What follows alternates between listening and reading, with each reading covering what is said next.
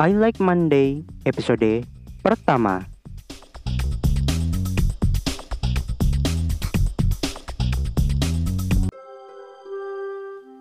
Hmm. Hai. Hai teman julid. Ini podcast aku yang pertama. Jujur, aku gugup banget. Sampai-sampai beberapa kali rekaman sebelum benar-benar rilis pagi ini. Prosesnya panjang sih. Sebelum podcast ini launching di hari ini, banyak persiapan yang harus aku lakukan.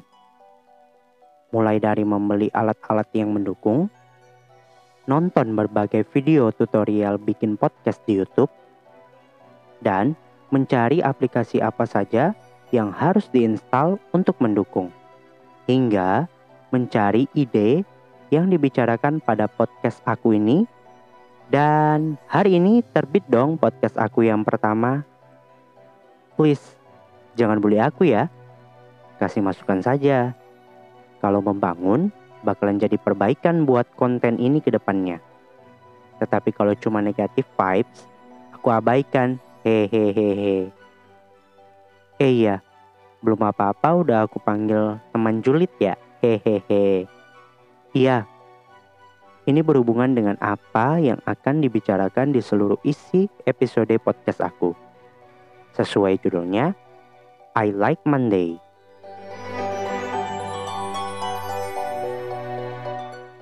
Siapa yang tidak suka hari Senin? Sebagian besar ada stigma kalau hari Senin itu bikin mood kita down.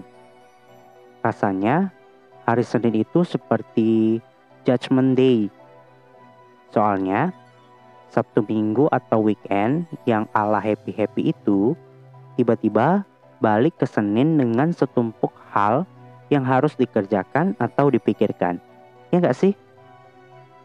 Oke, aku rekam podcast ini minggu malam. Bentar ya, minum dulu. Udah dua paragraf gitu aku baca skripnya. Hehehehe. Oh ya, teman julid juga bisa kok ambil minuman. Cemilan juga. Sambil menemani pagi Senin kamu mengantarkan mood baikmu di pagi hari ini.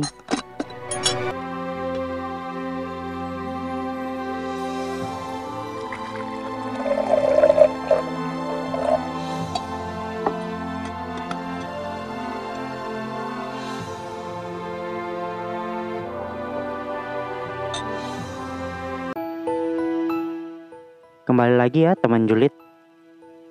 Aku berharap dengan konten podcast aku ini bisa bikin mood pagi Senin kamu jadi bertambah baik dan menghantarkan kamu melakukan banyak hal di hari Senin ini. Oh iya, aku belum kenalin ya. Podcast aku ini aku namain Tangan Julid. Kenapa? Karena all of day kita kebanyakan scrolling sosial media, ya enggak? Dan konten-konten yang ditampilin di sosmed dimulai dari tangan yang mengetik dan menguploadnya. Betul tidak?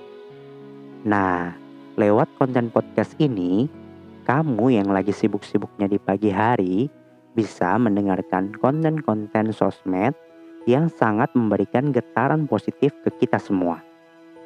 Aku bantuin rekomendasi beberapa konten yang menurut aku bisa bikin mood kamu tambah baik.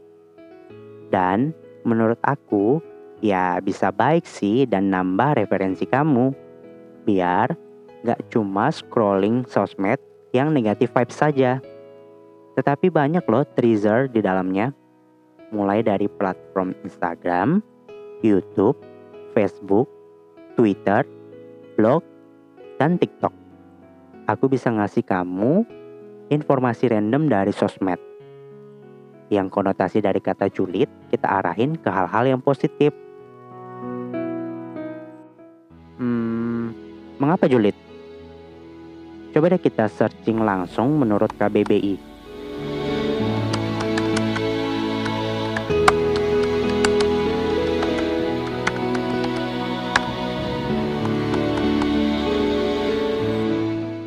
Menurut KBBI, julid adalah iri dan dengki dengan keber keberhasilan orang lain.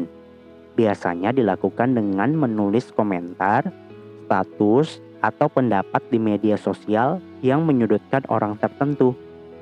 Nah, teman julid, semoga kita melakukan hal yang berlawanan dari arti asli julid ya.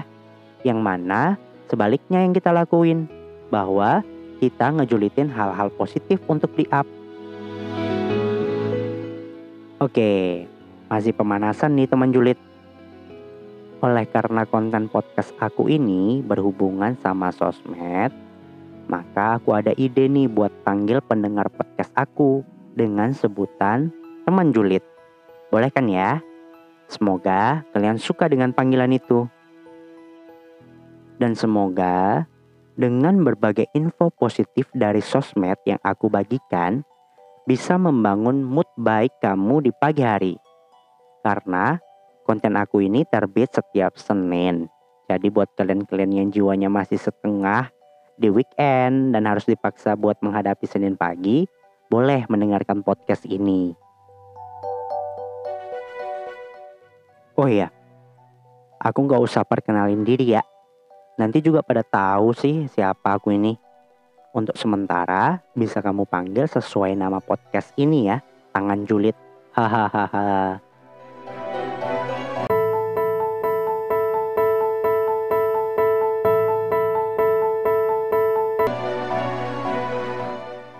semangat buat yang pagi ini pekerjaannya sudah menumpuk sangat banyak. Buat yang dikejar deadline, bagi-bagi ya waktunya sambil dengerin podcast ini. Buat yang lagi nunggu pekerjaan, selalu aktif buat mantau email atau smartphonemu. Mana tahu hari ini adalah hari terbaik kamu. Dan buat semua yang lagi dengerin podcast ini, makasih banyak ya sudah milih dengerin suara aku. Santai aja ya teman julid. Pagi ini kita mulai dengan minum air dulu. Tubuh perlu air juga loh. Hehehe. Yang penting air putih ya. Tadi aku coba searching, air putih ternyata sangat membantu mood kamu baik di pagi hari. Dilansir dari laman resmi Kemenkes, waktu terbaik untuk mulai mencukupi kebutuhan air putih adalah pada saat pagi hari setelah kita bangun tidur. Hal itu dikarenakan pada pagi hari tubuh kita terbangun dari istirahat dan proses pemulihan semalaman. Selama itu pula kita kehilangan banyak cairan. Sejumlah penelitian bahkan membuktikan bahwa kebiasaan minum air putih setelah bangun tidur akan memulihkan kesehatan di beberapa organ tubuh seperti mata hingga organ reproduksi. Konsumsi air putih yang disarankan untuk kebermanfaatan itu yakni sedikitnya 4 gelas atau 640 ml selepas bangun tidur di pagi hari. Nah, nah, sudah minum banyak air putih nggak pagi ini teman julid? Oh iya, teman julid suka musik nggak? Aku ada rekomendasi playlist musik yang bisa bangun mood kamu pagi ini. Coba deh buka Spotify, searching aja acoustic love songs. Semoga suka ya.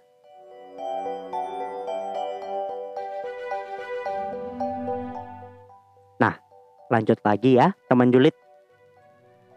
Positive vibes yang pertama datang dari visualisasi seseorang yang sangat aku kagumi dan mungkin juga kamu kagumi atau nanti bakalan kamu kepoin. But tunggu dulu ya.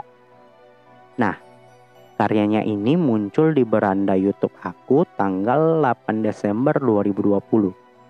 Tepat sebelum pilkada serentak tanggal 9 Desember 2020. Tuturnya, karyanya ini tanpa naskah sama sekali loh dengan budget nol alias nggak ada budget produksi khusus sama sekali.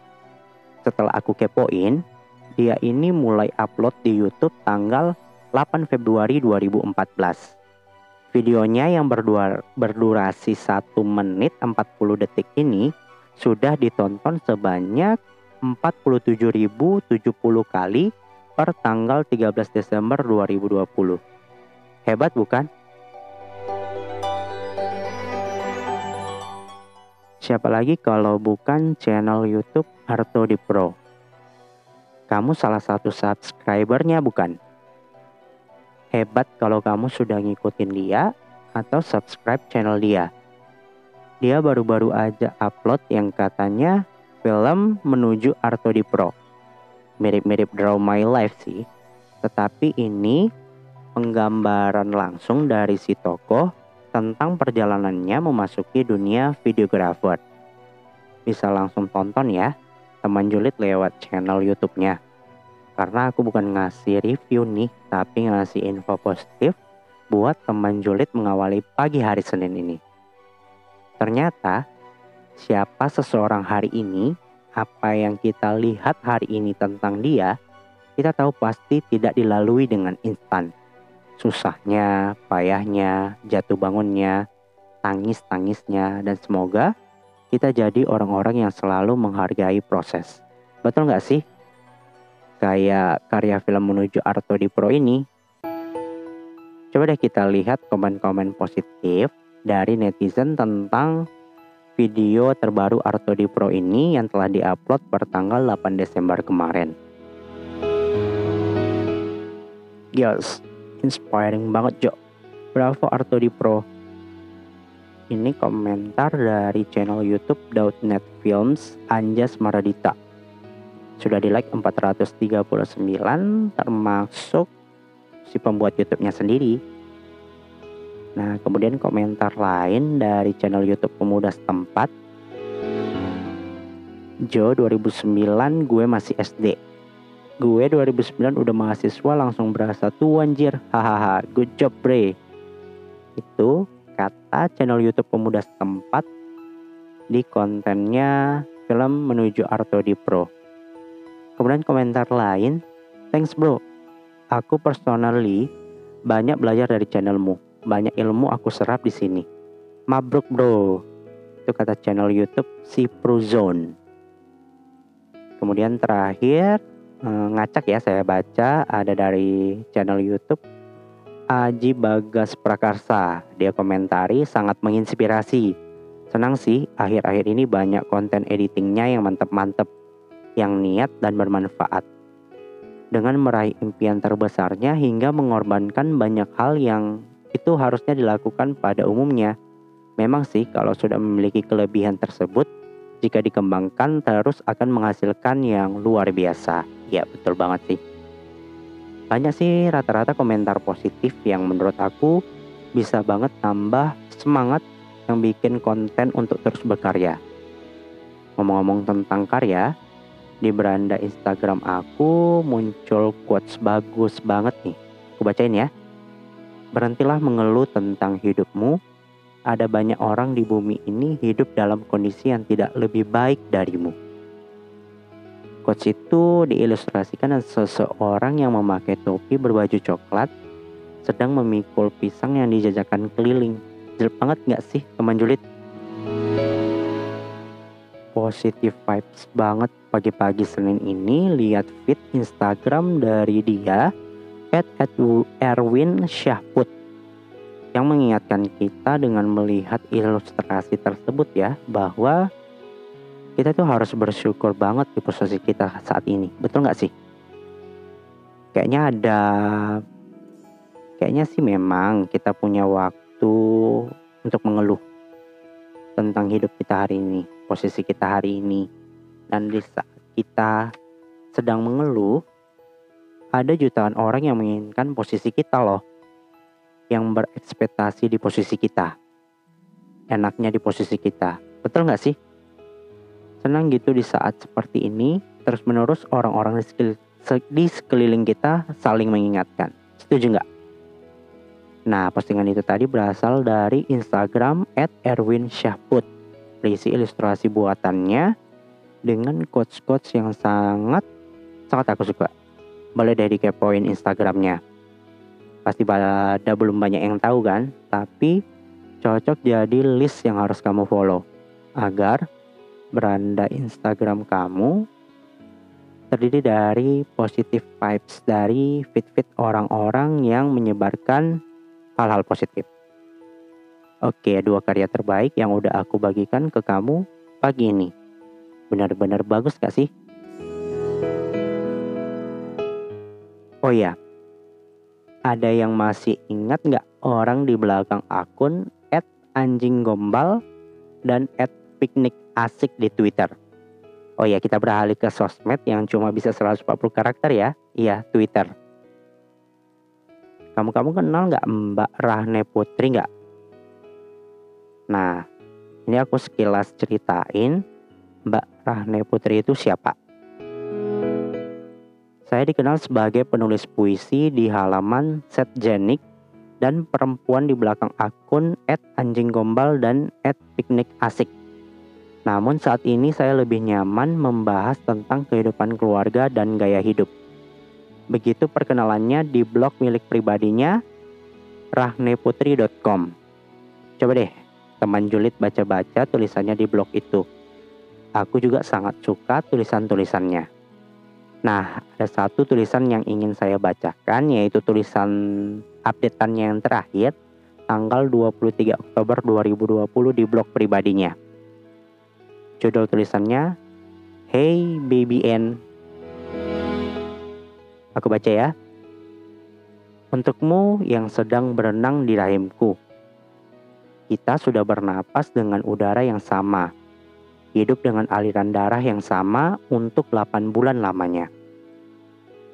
Kau menangkap suara yang sama dengan yang aku dengar. Dan lebih dari itu. Kau memahami tubuhku, denyutku, justru lebih dari yang aku tahu. Tak hanya kau yang tumbuh, tapi akulah yang kian belajar untuk mengutuh. Terima kasih sudah berkembang di dalamku.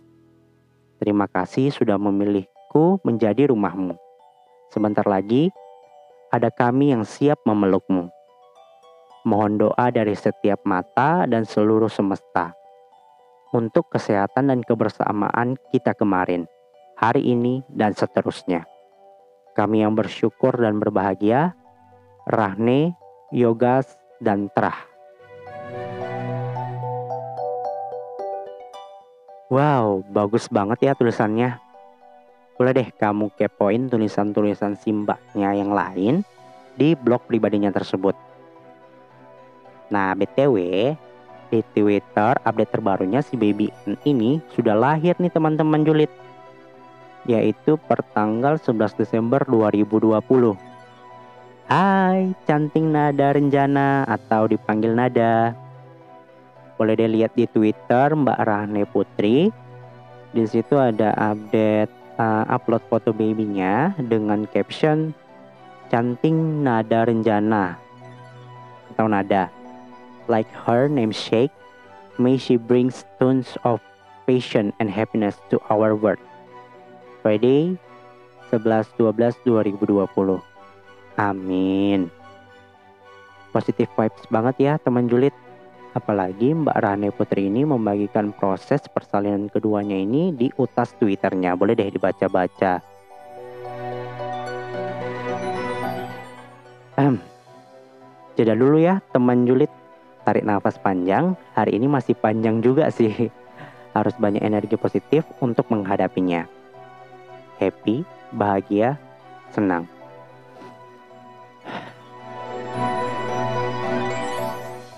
Oh iya, aku ingat salah satu tulisan seseorang nih di blog pribadinya. Coba aku buka dulu ya, tulisannya sekitar tahun 2018 gitu. Bentar ya teman julid.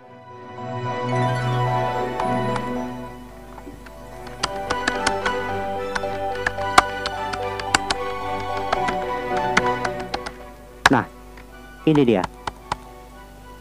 Tulisannya bertanggal Rabu Agustus 15 Agustus 2018 dengan judul Jangan jadi netizen yang kurang piknik.